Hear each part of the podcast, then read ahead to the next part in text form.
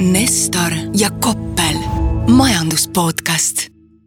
tere, mina olen SEB panga majandusanalüütik Mihkel Nestor. minu kõrval istub äh, Redgate Wealthi investeeringute valdkonnajuht Peeter Koppel ja oleme salvestamas järjekordset Nestor ja Koppel podcasti ja kuupäev meil on kuues veebruar aasta kaks tuhat kakskümmend neli. alustuseks ma praegu ütlesin nagu Peetri ametinimetuse ära ja mul on iga kord sellega õudselt raskusi, see on nii pikk, aga ma seekord nagu vist nagu crack isin lahti, mis ma tegema pean, et ma pean looma sellise visuaalse seose millegagi. et niisugused keerulised asjad, et neid meelde jätta, tuleb niisugune visuaalne seos millegagi luua ja siis see seos, mis ma lõin, on vaata see South Park'i osa, kus on poisid lähevad raha investeerima ja siis on see mees, kes ütleb neile and it's gone. Vot ma tegin, tegin selle seose praegu ja edaspidi mul on see väga hästi meeles. aga selles mõttes, et enne kui me majandusse lähme, siis ma tahaksin äh, õnnitleda nii sind kui ennast äh, väga olulise äh, saavutuse puhul. nii. nimelt vaata, räägitakse pidevalt mingisugusest ühest protsendist, on ju, et need on need rikkad ja pahad, et. kas ma jõudsin ühe protsendi sekka või? ja me oleme jõudnud ühes asjas ühe protsendi sekka ja see on nimelt see, et maailmas alustab aastas kaks miljonit äh, podcast'i ja üks protsent jääb neist ellu. ja tavaliselt nad suudavad teha kolm episoodi, enne kui nad välja surevad. ehk siis me oleme ühe protsendi hulgas, sest me teeme seda show'd juba päris kaua. on küll väga surema ühel päeval, aga elame veel, on eestlaste põhiline ütlus ja niikaua, kui me veel elame, siis äh, räägiks tänases äh, osas ära selle värgi, mis meil toimub siis Eesti majandusega. miks meil jälle siis kolm protsenti majanduslangust tuli viimastel andmetel eelmise aasta lõpus äh, kuid sealt rändaks edasi natuke maailmasse, et äh, nõustume viimasel ajal õudselt palju, et äh, prooviks nagu USA valimiste ja USA majanduse teemal natuke tülli minna. Ja, ja lõpuks äkki saame ka natuke ragistada siis inflatsiooni, palgakasvu ja turgude teemal, et noh, Peeter on siin tahtnud kogu aeg öelda, et inflatsioon ei tule alla ta ei tule alla siiamaani ta on allapoole tulnud, aga no nüüd on nagu see küsimusmärk tekkinud, et kas see viimane miil ka sealt ära astutakse, et äh, need inflatsiooninäidud suurtes riikides päriselt alla kahe protsendi jooksid. Aga alustades siis Eesti majanduse seisust, et äh, kõik langetame pea minutiliseks leinaseisakuks, et. nüüd on siis kriis, nüüd on siis kriis. nüüd on jälle, jälle on kriis, tegelikult tükk aega on juba kriis ja ega see kolmas kvartal ka kuidagi parem ei olnud, et siin aastases lõikes miinus kolm protsenti, esialgsetel andmetel Eesti skp kukkus, kuid äh, teisalt äh, kui võrrelda siis seda numbrit äh, eelmise aasta kolmanda kvartaliga, mis meil neljandas kvartalis tuli, siis seal oli tegemist siis nullkasvuga, ehk siis tegelikult skp tase jäi samasse kohta ja mõni võiks siis loota, et põhi on käes aga kas sinu meelest on ka põhi käes, kas nüüd on äh, meie peamist, peamised ekspordipartnerid äkki kõik äh, hakkavad hirmsamal kombel ülespoole minema, et mulle nagu ei tundu, kui ma vaatan mingisuguseid Euroopa makrot, siis kõik võtavad äh,, hoiavad niimoodi kahe käega peast kinni ja ütlevad, et küll on halvasti. no raske öelda, et ähm lõpuks on nagu põhi käes ka siis, kui nagu jääme ühtlaselt äh, kehvale tasemele, et ka see on mingisugune põhi. et ma vaatasin nagu viimased numbrid siin nüüd äh, oluliste majandusnäitajate kohta, mis siin on just ilmunud, siis äh, noh, kui me varasemalt oli siin ikka kohati need langusnumbrid kahekohalised, siis äh, nüüd jaemüük näiteks detsembris oli miinus viis protsenti aastases lõikes äh,. tööstustoodangu langus äh, kõigest kaks ja pool protsenti, seejuures, kusjuures äh, novembriga võrreldes tööstustoodang isegi kasvas et äh, mingisuguseid nagu märgikesi sellest, et äh, äkki hakkab natukene nagu tõesti põhi paistma vähemalt, äh, need on olemas ikkagi. Ja kuidas selle tööpuudusega lood on, sellepärast et kui sa lähed sellisesse huvitavasse kohta nagu Twitter või uue nimega X, siis sealt jääb selline mulje, et tööpuudus on juba suurem, kui ta oli kaks tuhat üheksa sügisel no hetkel see töötuse kasv on ikkagi jätkuvalt on marginaalne, aga noh, täpselt, et mõeldes nende suurte majandussektorite situatsioonile, et noh, seesama jaekaubandus, et siin tegelikult eelmisel aastal ka ikkagi juba ettevõtete käive kahanes, noh, mis jällegi noh, see oli natuke mõjutatud sellest, et kütusehinnad siin langesid, see terviknumber. aga näiteks ehituspoed, kodumasinate, niisugused elektroonikakauplused, et seal on selgelt ikkagi jäänud käive väiksemaks ja noh, kui see käive väheneb, siis see paneb selgelt ettevõtja ikkagi mõtlema, et kas ma peaks hakkama kokku hoidma. jah ja..., sest kulud on ju üleval lõppude lõpuks jah, no tööjõukulude kasv ei ole kuhugi peatunud, eks. ja keskmine palk siin ikka kuskil pluss kümme protsenti aastases lõikes. ja, ja noh, tööstuse poole pealt see situatsioon on nagu veel kehvem, et noh, kui meie jaemüük on kukkunud siin umbes aastasse kaks tuhat kakskümmend üks, ehk siis noh, tegelikult ütleme jaekaubanduses vahepeal äh, oligi nagu liiga hästi läks, et äh, liiga palju müüdi, me ostsime rohkem, kui meil selline pikaajaline trend tegelikult ennustaks. siis äh, tööstus tegelikult on oma tootmismahtudega aastas kuskil kaks tuhat kaheksateist ehk siis viie aasta taguses ajas. Ja no seal mulle endale tundub äh, isegi natuke imelik, et ei ole tegelikult suuremate koondamisteni veel jõutud, et noh, need teated, mis on tulnud, on ju pigem harvad ja no jällegi ettevõtjatega rääkides, siis noh, kõik ütlevad, et äkki läheb varsti paremaks, et ei taha inimesi lahti lasta ja siiamaani on suudetud neid alles hoida. aga noh, täpselt, et see, see viie aasta tagune tootmismaht, noh, see on mõjutanud näiteks päris suurt äh, transpordi, laundussektorit, noh, siin just tulid jälle Statistikaameti värsked numbrid, et Eestis äh, sadamates äh, siis kaupade lossimine, lastimine vähenes kuskil kolmkümmend protsenti, raudteeveod nelikümmend protsenti et sellistes suurtes sektorites ikkagi nagu tööd on vähe, aga lihtsalt kuna varasemalt on läinud jube hästi, siis on võimalik seetõttu inimesi alles hoida. oota, ja millisesse aastasse me siis nüüd oma majandusega nüüd lõpuks lennanud oleme? no kui uskuda seda esialgset hinnangut, mis Stataamet meil siis välja andis selle viimase kvartali kohta, siis oleme kuskil aastas kaks tuhat kaheksateist lõpus oma skp taseme poolest, mis no tead, no tagasi mõeldes ei olnud ka kõige kehvem aasta majanduslikus plaanis, aga üldiselt et ikkagi eeldatakse, et majandus kogu aeg kasvab, mitte ei kuku vahepeal tagasi viis aastat. no meil ta paraku on äh, kukkunud ja siis äh, ilmselt me kumbki ei suuda välja mõelda nüüd mingisugust väga ilusat stsenaariumit sellest, et mis siit nüüd edasi hakkab saama. no ma, ma väga põnevusega hakkan nüüd jälgima seda, et mis meil siis äh, mis meil seal tööstuses toimuma hakkab. et äh, kas see selline kasv, mis meil siin detsembris oli võrreldes novembriga, et kas jätkub. Äh, sest noh, kui vaadata, ma vaatasin ka nagu sektorite lõikes, et kas seal on keegi, kes siis selgelt eristub teistest, et äh, tegelikult mitte.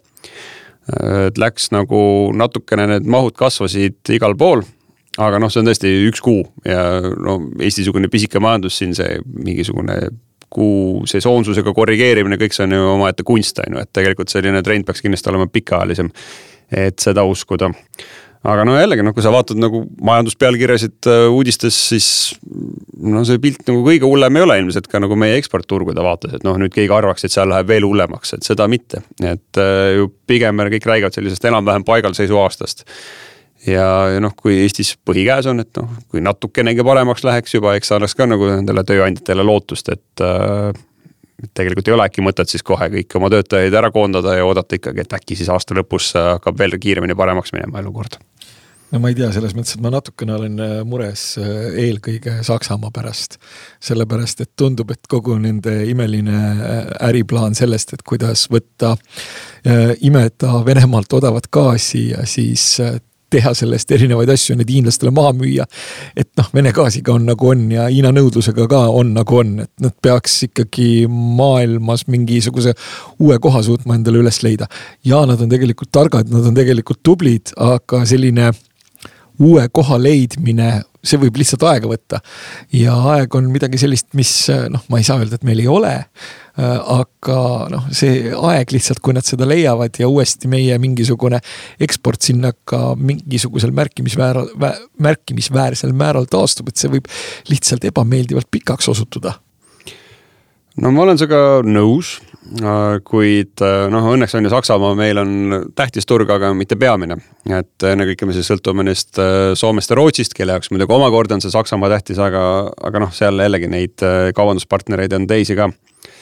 et noh, suures plaanis, et see, et Saksa majandusel täna on selline nagu natuke paigal tammumine, oma koha otsimine, et ega see meid jah, viieprotsendise majanduskasvuni ei vii muidugi kuid äh, noh, taaskord mul on vahepeal nagu tunne, et kõik ootavad justkui, et nagu mingi õudne kriis hakkab kuskilt pihta, et seda tõesti pole Eesti majanduse puhul kuskilt näha. ja vaatasin just tulid välja ka need viimased äh, kindlustunde näitajad siis. mis siis Eesti ettevõtted ja inimesed ise arvavad sellest, mis majanduses toimumas on ja tegelikult äh, põnev oli näha, et tööstuses, ehituses näiteks on, tundub, et on ka selle sentimendi poolest selline põhi saavutatud ja kaks kuud on isegi see, see kindlustunne pisut ülespoole liikunud tarbijad muidugi endiselt on totaalselt pessimistid, arvavad, et äh, maailm saab otsa, et oleme aastas üheksakümmend. aga. nüüd üheksakümmend juba? no mitte päris üheksakümmend, no üheksakümmend neli ikka vist oli jah, umbes meil see tase, et. Äh, et äh, noh, see ei ole päris nagu objektiivne minu meelest, aga tead. üheksakümne neljandal aastal sõitsid kollased Ikarus bussid ja Tallinna linnaõhk ei olnud hingatav nii et äh, see ei ole ikkagi see. Ja paljudel inimestel ikkagi nagu vorst leiva peal oli väga selge luksuskaup, mitte sink, vorst. Nii no, et... no minu mälestus on, kuidas on tõeline luksus oli see, kui mulle ema tegi apelsinikoortest mingit mahlalaadset produkti. Ja see tundus nagu parim asi, mis ma olen elus saanud nii, aga nagu loodame siis tõesti, et Eesti majandusega äh, põhi paistab, äh, saame seda järgnevates äh, osades veel käsitleda ja, ja liiguks edasi siis Ameerika Ühendriikidesse, kus erinevalt Eestist on need majandusuudised ikka viimasel ajal suhteliselt optimistlikud minu meelest olnud, et noh, nüüd viimati siis jällegi see, et jaanuaris loodi USA-s üle kolmesaja viiekümne tuhande töökoha, et noh, nii palju, kui need analüütikud seal prognoosisid, räägiti umbes poole väiksemast numbrist mistõttu siis äh, kõik on ikkagi väga upbeat selles osas, mis Ameerikat ootamas on ja noh, taaskord nagu eelmisel aastal, kui tundus, et noh, tagantjärgi tarkusena olidki kõik nagu majanduskasvu hinnangud alahinnatud. siis tundub, et ka vähemalt see aasta algus äh, võib-olla ollakse liiga pessimistlikud USA kohta jah, et siin on juhtunud päris huvitavaid asju, et noh, tänapäeval õnneks on võimalik jälgida sellist äh, kuidas nüüd öelda, majanduse temperatuuri ka läbi mingisuguste pehmemate indikaatorite, et noh, kedagi ilmselt ei äh, pane imestama seda, et kõik räägivad sellest äh, tehisintellektist, okei okay,, hea küll aga üldiselt on hakatud rääkima ka ühinemistest ja ülevõtmistest. seda üldiselt äh, tehakse rohkem siis, kui raha on odav ja majandusel läheb hästi. raha ei ole odav, aga majandusel järelikult läheb paremini. siis kõik räägivad igasugustest pehmetest maandumistest, kõik äh, räägivad pingelisest äh, tööturust ja põhimõtteliselt pingelisest tööturust, et kui siin vahepeal tundus, et nii üks kui teine ettevõte ütles, et äh, me hakkame tööjõudu vähendama, siis äh, sellist asja on nagu jällegi selgelt vähemaks jäänud. ja ei räägita enam ka mingisugustest tarneahela probleemidest ehk on aset leidnud mingi ütleme, stabiliseerumise laadne toode. aga selle kõige juures on oluline muidugi see, mis intressimäärad teevad ja Fedi juht äh, Powell oli eile telekas ja ja, ja rääkis saates kuuskümmend minutit. ja kui siin pidev areng on olnud see, et kogu aeg on nagu natukene need intressilangetused ajaliselt lähemale tulnud, siis see viimane töötururaport jällegi noh, põhimõtteliselt viitas sellele, et majanduse temperatuur on suhteliselt kõrge valitseb võib-olla teatud ülekuumenemise ja teatud inflatsiooni oht ja siis Powell nügis jällegi natukene neid intressimäärade langetamise ootusi kuskile sinna teise poolaastasse. ehk siis noh kõik, mis toimub võlakirjaturgudel ja kõik, mis toimub intressiootustega seoses, et see on, see on kohati isegi huvitavam kui see, mis aktsiaturul toimub jah, aga no mis tal üle jääb, et äh, selliste numbrite taustal, aga no muidugi USA viimane inflatsiooninäit oli siin äh, kolm koma neli protsenti minu andmetel äh,. küll siis tõesti see, kui toit ja energia sealt maha võtta, siis peaaegu neli protsenti, et see on muidugi natuke palju. aga tarbijakindlus on siin tõusnud viimasel ajal, jõudnud siin kõige kõrgemale tasemele aastast kaks tuhat kakskümmend üks, et noh, tegelikult USA-l läheb äh, päris hästi aga siis noh, kui sa sellest teise poolaasta juba sisse tõid, et siis me kõik teame, et teisel poolaastal on ootamas ees siis ka kauaoodatud tähtsündmus, kus Peetri suurim eeskuju öö, omab lootust saada taas USA presidendiks jah, tõepoolest, et kui ma peaksin kiilakaks jääma, siis ma päris kindlasti võtan, tõmban endal peanaha kokku, et ma kiilakas ei paistaks. Õnneks ma kiilakaks ei jää. teine asi on see, et kui ma peaksin hakkama oranži spreipäevitust kasutama, siis palun lükake mind ojja noh, aga see on parem, kui see päris päevitus ei ole vähemalt äh, nahavähi ohtu. kuule, aga kas sa siis nagu päriselt äh, hoiadki, et äh, noh, kahe kandidaadi vahel siin tõenäoliselt nagu see konkurents käib ja hetke igasugused pollid on suhteliselt võrdsed siiski, kuid Biden versus Trump, et sina siis ikkagi loodadki, et saab Donald Trump USA presidendiks või? Ehm, kui sa küsid, et mida ma tegelikult loodan, siis ma tegelikult loodan, et nii mõneski riigis võiks tekkida selline olukord, kus toas oleks jälle täiskasvanu. et hetkel ma ei näe maailma kõige võimsamas riigis tekkimas olukorda, kus toas oleks täiskasvanu. sellepärast, et üks on kuidas ma nüüd ütlen, natukene võib-olla liiga vana ja teine on võib-olla natukene liiga värvika iseloomuga. aga mis puudutab, ütleme sellist majandust ja, ja, ja turge, siis äh, noh, mulle tuleb jälle meelde see, et kui suur oranž esimest korda presidendiks sai. siis ütles selline ilmselt maailma ajaloo üks äh, rohkem eksinud majandusteadlasi, et turud ei taastu sellest mitte kunagi ja alguses natukene oli volatiilsust, aga siis turud põhimõtteliselt hakkasid üles minema. ja turgude kontekstis äh, ma olen suhteliselt veendunud, et see valimiste eelne aeg ja see, et palju siis nii-öelda ühel või teisel kandidaadil parajasti seda edumaad on, et see teatud volatiilsust tekitab. aga noh, üks positiivne asi suure oranži tagasitulekul teoreetiliselt võiks olla see, et see võiks olla pigem äkki natukene aktsiaturgude positiivne, pigem ja äkki natuke. mitte nüüd mingisugune hullumeelselt positiivne no, ainus, mis ma seal näen, on selline nagu meeletu volatiilsus, mis sellega kaasneks, mis äh, muidugi sinu töös äh, tõenäoliselt äh, annab võimaluse nii raha teenida, kui siis öelda, et it's gone jah, sellega on see lugu, et noh, see volatiilsus vaata täpselt samamoodi, noh, sina ootad ka suurt volatiilsust. mina tegelikult ootasin ka eelmine kord veidikene suuremat volatiilsust, kui see tuli. ja see on üks nendest kohtadest, kordadest, kus mul isegi õnnestus öelda meedias maha, et kuulge, et rahunege nüüd maha, et see võib ostukoht hoopis olla, et siin on mõned natukene emotsioonid üle keenud et ilmselt need emotsioonid keevad nüüd ka nagu seekord üle. aga ma ei taha mitte mingisugusel tingimusel öelda. noh, jättes kogu ülejäänud selle poliitilise raamistiku ja maailmakorra ja kõik selle välja, ma ei. ma lihtsalt esitaksin hüpoteesi, et ka suure oranži tagasitulek ei oleks turgudele nüüd mingisugune surmahoop. kuigi juhtivad majandusajakirjad siin ikkagi spekuleerivad, et äh, kui ta esimene nagu hooaeg võttis nii-öelda õppis ametit, et siis äh, nüüd on see full crazy mode äh, läheb tööle otsekohe, kui ta siis presidendiks saab no aga no ma tõepoolest, ma ütlen, et ega me tegelikult keegi ei tea ja, ja ma, see teebki võib-olla selle asja nagu kummaliseks, et keegi päriselt ei tea. aga ma korraks nagu vaatasin ka siis, et mida siis äh, potentsiaalsed presidendid meil äh, majandusest räägivad ja siin no sinu jaoks ikka minu arust ei ole nagu väga häid uudiseid, et äh, mis siin nagu mõlemal puhul kaasa tuleb, on tõenäoliselt jätkuv äh, USA riigivõla suurenemine. lihtsalt siis, et mida härrased äh, selle rahaga ette kavatsevad võtta, on erinev, et noh, tõenäoliselt Biden jätkab siis oma seniste, seniste plaanidega, et kus on siis kõvasti nagu püütud utsitada investeeringuid tööstusesse Ameerika Ühendriikides läbi erinevate maksuplaanide ja soodustuste, mis siiamaani tegelikult on ka päris hästi õnnestunud. et on kaasa tulnud ka siis erasektori suuremaid investeeringuid sinna töötlevasse tööstusesse. ja, ja mis siis samuti Bidenit eriti kõnetab, on siis äh, investeeringud haridusse ja, ja lastehoidu, et noh, USA-s on pikalt olnud probleemiks selline üldine tööjõupuudus ja et seda olukorda nagu natukene parandada, siis äh, ta soovib äh, alushariduse rahastamist suurendada läbi selle, et siis emad saaksid lõpuks tööle minna ja, ja tõsta siis ka selle, ütleme USA tööjõu kvaliteeti läbi investeeringute haridusse. mis noh, loomulikult tähendab, et äh, kuskilt tuleb raha võtta äh,. esialgu see tähendab tõenäoliselt äh, surmat võlga. noh, Biden tegelikult räägib ka sellest, et võiks makse tõsta, eriti jõukamate inimeste jaoks.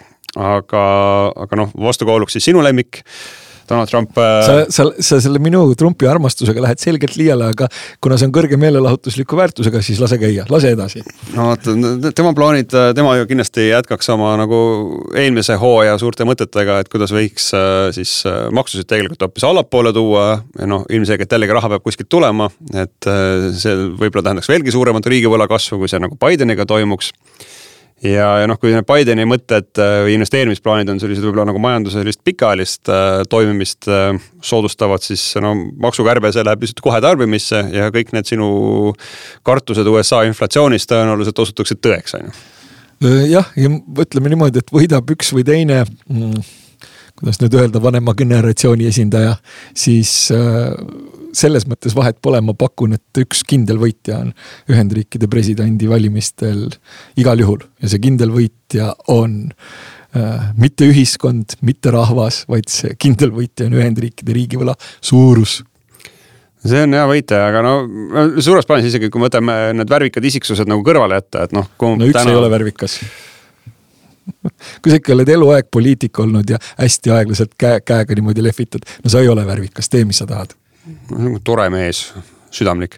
hea küll, äh, see väärikus väärikuseks, aga lihtsalt, et kui ma nagu jätan isikut kõrvale ja, ja mõtlen sellele noh, ütleme makroanalüütiku perspektiivist, et mida siis USA majandus täna vajaks selles olukorras, kus äh, noh, vaatamata intressikärbetele läheb endiselt päris hästi äh, noh, kui me hakkame juba seal nagu raha laiali jaotama, et kas need oleksid siis see, et investeerime seda haridusse, tööturu paremasse toimimisse ja see võib-olla see nagu yieldib pikaajaliselt või siis, et meil on nagu kiiresti-kiiresti vaja kuidagi tarbimist kasvatada, et noh, see, see viimane kuidagi ei tundu nagu see vajalik tegevus olevat.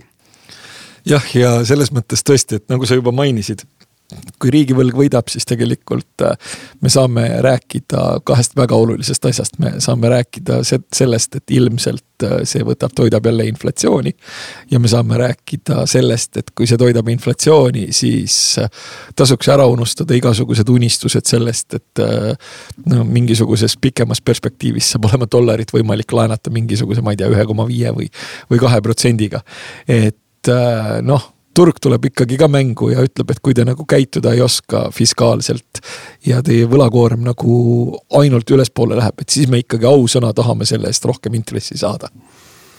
no inflatsiooni juurde tulles jah, et üks selline nagu kontseptsioon, millest viimasel ajal päris palju lugeda, on siis inglise keeles äh, the last mile, et kuidas äh, vaatamata siis sellele, et äh, inflatsiooninäidud siin on tulnud oluliselt allapoole, et noh, viimati siin euroala inflatsioon juba kõigest kaks koma kaheksa protsenti, USA-s kolm koma neli protsenti aga et sealt siis jõuda tõesti nagu alla kahe protsendi ja ilma siis selleta, et meil mingisugune energiahindade odavnemine seda toetaks, läheb päris keeruliseks sest eh, noh, tõesti, et noh, kui me räägime sellest alusinflatsioonist, kus see toit ja energia maha võtta, et noh, see on euroalal kolm koma kolm, USA-s kolm koma üheksa, et no sealt tegelikult sinna kaheni annab minna. ja, ja ennekõike siis peetakse probleemiks seda, et äh, miks need numbrid on seal üle kolme või nelja lähedal, on, on see, et äh, tegelikult palgad kasvavad endiselt liiga kiiresti. ehk inimestel läheb liiga hästi ja noh, kui nüüd jõukamaid palg-, lääneriike vaadata, et noh, siin kuskil see keskeltläbi see palgakasv on kuskil endiselt viie protsendi juures USA-s nüüd toimus tohutu aeglustumine, tuldi viie poole pealt alla siis nelja poole peale. aga no UK-s näiteks endiselt üle kuue protsendi ja ka noh, tööhõive tegelikult äh, mitte ei ole siis hakanud vähenema, vaid on hoopis pisut kasvanud äh, võrreldes eelmise aastaga. ja noh, selles kontekstis uskuda, et meil nüüd mingisugune meeletu palgakasvu aeglustumine toimuks, et äh, no ongi üsna keeruline. no siin on äh, kaks aspekti, äh, näiteks üks aspekt on, mis mulle tegelikult tundub natukene isegi sümpaatne ja täiesti loogiline on see, et osa. et inimesed teenivad vähem palka, seda ma. ei. neoliberaal. et inimesed peavad teenima täpselt nii palju, nagu nad nii-öelda turul väärt on, mitte rohkem ega mitte vähem. aga fine, et kui nüüd vaadata seda, et räägitakse, et kohutavalt tugev äh, majandus on Ühendriikides praegu, siis esiteks tuleb aru saada sellest, et nad äh, tõstavad oma võlakoormust ikkagi nagu suhteliselt tempokalt noh, ikka päris kiirelt võtavad hetkel äh, laensi juurde. see on üks aspekt, teine aspekt on see, et kui me räägime mingisugusest tugevast majandusest, siis see tugev majandus ikkagi eeldaks seda, et äh, inimene võtab, läheb kella üheksaks tööle ja lõpetab äh, kell viis-kuus, kukub pastakas ära ja siis ülejäänud elu võtab, tegeleb millegi nagu lõbusamaga aga kõrge tööhõive paljultki mm, osade tegelaste meelest ja ilmselt neil on piisavalt datat seda tõestamaks äh,. näitab ka seda, et paljud inimesed äh, noh, on sunnitud ikkagi nagu töötama rohkem kui ühel kohal ja selleks, et ots otsaga kokku tulla et muidu lihtsalt ei saa hakkama. ja siis, mis veel on, ütleme võib-olla täheldatav ka meediast, on see, et äh, sügatakse kukalt ja öeldakse, et aga inflatsioon ju äh, langeb, et aga miks hinnad ikkagi edasi tõusevad. ja siin on noh, me saame võtta, harida oma äh, kuulajaid ja öelda, et et, et, et üks asi on inflatsiooni langemine, selle asja nimi on disinflatsioon. ehk siis inflatsiooni tempo langeb, hinnad tõusevad edasi, lihtsalt mitte nii kiiresti. ja hin-, hindade langus on deflatsioon, ehk praegu meil on disinflatsioon ja mitte deflatsioon, et need on kaks väga erinevat asja. ehk siis kogu seda Ühendriikide tugevust on võimalik vaadelda ka natuke teise nurga alt. ehk äh, noh, võib-olla see kõik need tööturu andmed võtavad, kajastavad seda, et mingisugune selline noh, elukalliduse tõus on kasvatanud meeleheidet ja vajadust töötada veelgi rohkem kui seni ja no siin ei saa muidugi ära mainimata jätta seda, et Eestisse on siis hinnatase jõudnud äh, peaaegu siis Euroopa Liidu keskmise juurde, aga kuid seejuures näiteks toidukaubad on juba oluliselt kallimad. ja, ja ka siin noh, vaatasin viimased need Eesti inflatsiooninumbreid, et äh, noh, hea küll, jah, meil oli käibemaksu tõus et noh, kui sa puhttehniliselt võtad, et siis noh, tegelikult äh, kuust kuusse isegi võrreldes detsembrit jaanuariga no, jäi see hinnatõus alla sellele ühe koma kuuekümne seitsmele protsendile, mis ta siis peaks ametlikult olema seoses selle käibemaksu tõusuga, kui sa tuimalt seda nagu aluseks võtta aga no viis protsenti aastases lõikes, et äh, samal ajal meil Läti-Leedu on ju, neil jaanuari numbrid pole küll väljas, aga noh, Leedus siin detsembris pluss üks koma kuus protsenti. Lätis null koma üheksa protsenti, no Eesti oli üle nelja protsendi detsembris vaatasin ka mingisuguseid lõikeid, noh kui meil siin toiduaine hinnad eelmise aasta viimases kvartalis olid kuskil peaaegu kuus protsenti tõusid, Lätis-Leedus kolm protsenti. kodukulud Lätis-Leedus miinus üheksa protsenti. miinus üheksa. miinus üheksa, no vaata energiahinnad tulid alla, on ju. meil kuidagi nagu pluss viis protsenti mingi ime läbi Äh, riided, jalanõud jällegi Lätis-Leedus kuskil keskeltläbi kaks protsenti, meil pluss kuus protsenti, et äh, no, no see Eesti nagu hinnaime ei, ei väsi mind ka üllatamast. kuule, sellega vist ikkagi on natukene seda üheksakümne neljanda aasta vibe'i, et kodukulud on, moodustavad ikkagi nagu väga suure osa inimeste sellisest äh, kuludest ja kui sa räägid nendest toidukaupade hindadest, siis äkki on siin ka veidi seda üheksakümne neljanda aasta vibe'i, et juust on nagu luksustoode no ta kipub nii minema jah, et nad mõlemad on suure osakaaluga ja kui nad siin erinevalt nagu ülejäänud maailmast kipuvad äh, oluliselt kiiremini tõusma, et siis saame me ka kiirema inflatsiooni näidu. aga ma ei tahtnud tegelikult selle Eesti teemaga no, siis äh, meie põhiteemat äh, kõrvale juhtida, et see suur paradoks siin, et kuidas viimase miili astumine võib olla väga keeruline ja et kuidas see tegelikult on nagu mõjutamas siis meil äh, keskpankade otsuseid intressimäärade suhtes, et äh, kui siin varasemalt on ju vist USA-s oodati kuut intressimäärade langetust, et noh, nüüd äh, Powelli isiksuses kinnitatakse, et kuulge, et rahunege, et parimal juhul kolm jah, selles mõttes, et see oli tegelikult märkimisväärne muutus, et kui me nüüd mõtleme sellele, et mis eelmise aasta lõpus toimus, siis noh, mina sellise varahaldurina, kellel käed on ikkagi nagu Davotiga koos, küll oli mõnus äh, nii-öelda riigivõlaga raha teha küll oli mõnus, sellepärast et noh, riigivõla risk on teatavasti selline, nagu ta on, eks ole. ja siin mingisugused sellised kümne-viieteist aastaste, aastasesse euro riigivõlga investeerivad instrumendid võtsid, tegid selliseid kümneprotsendilisi tõuse kuskil oktoobri algusest nagu, äh, nagu aasta lõpuni. ehk siis see oli hästi-hästi tore hästi tore just nimelt äh, nagu just nimelt riski ja kogu selle nii-öelda portfelli valitsemise seisukohalt ja see oli puhtalt tingitud sellest, et oodati, et ohoh, nii. nüüd need intressid tulevad alla, oi, kuidas nad tulevad alla, nad tulevad niimoodi alla, et tuline jutt taga. ja nüüd on jälle teine jutt, muidugi Euroopa suhtes noh, siin tuleb veidikene vaadata, et siin võib juhtuda selline tore lugu, kus eurooplased ikkagi peavad hakkama veidikene liigutama tavaliselt, eks ole, nagu me siin oleme rääkinud, et sina ei ole küll sellele kaasa kiitnud, aga ma olen näinud sinu silmis äh, heakskiitu. et tavaliselt eurooplased teevad äh, Ameerika järgi, aga siin nad võivad, pea, peavad võib-olla hakkama langetama enne, kui ameeriklased selleni jõuavad ja kuhu me sellega jõuame, siis me jõuame jälle, jälle selleni, et mis on hea valuuta dollar, dollar, dollar is what I need.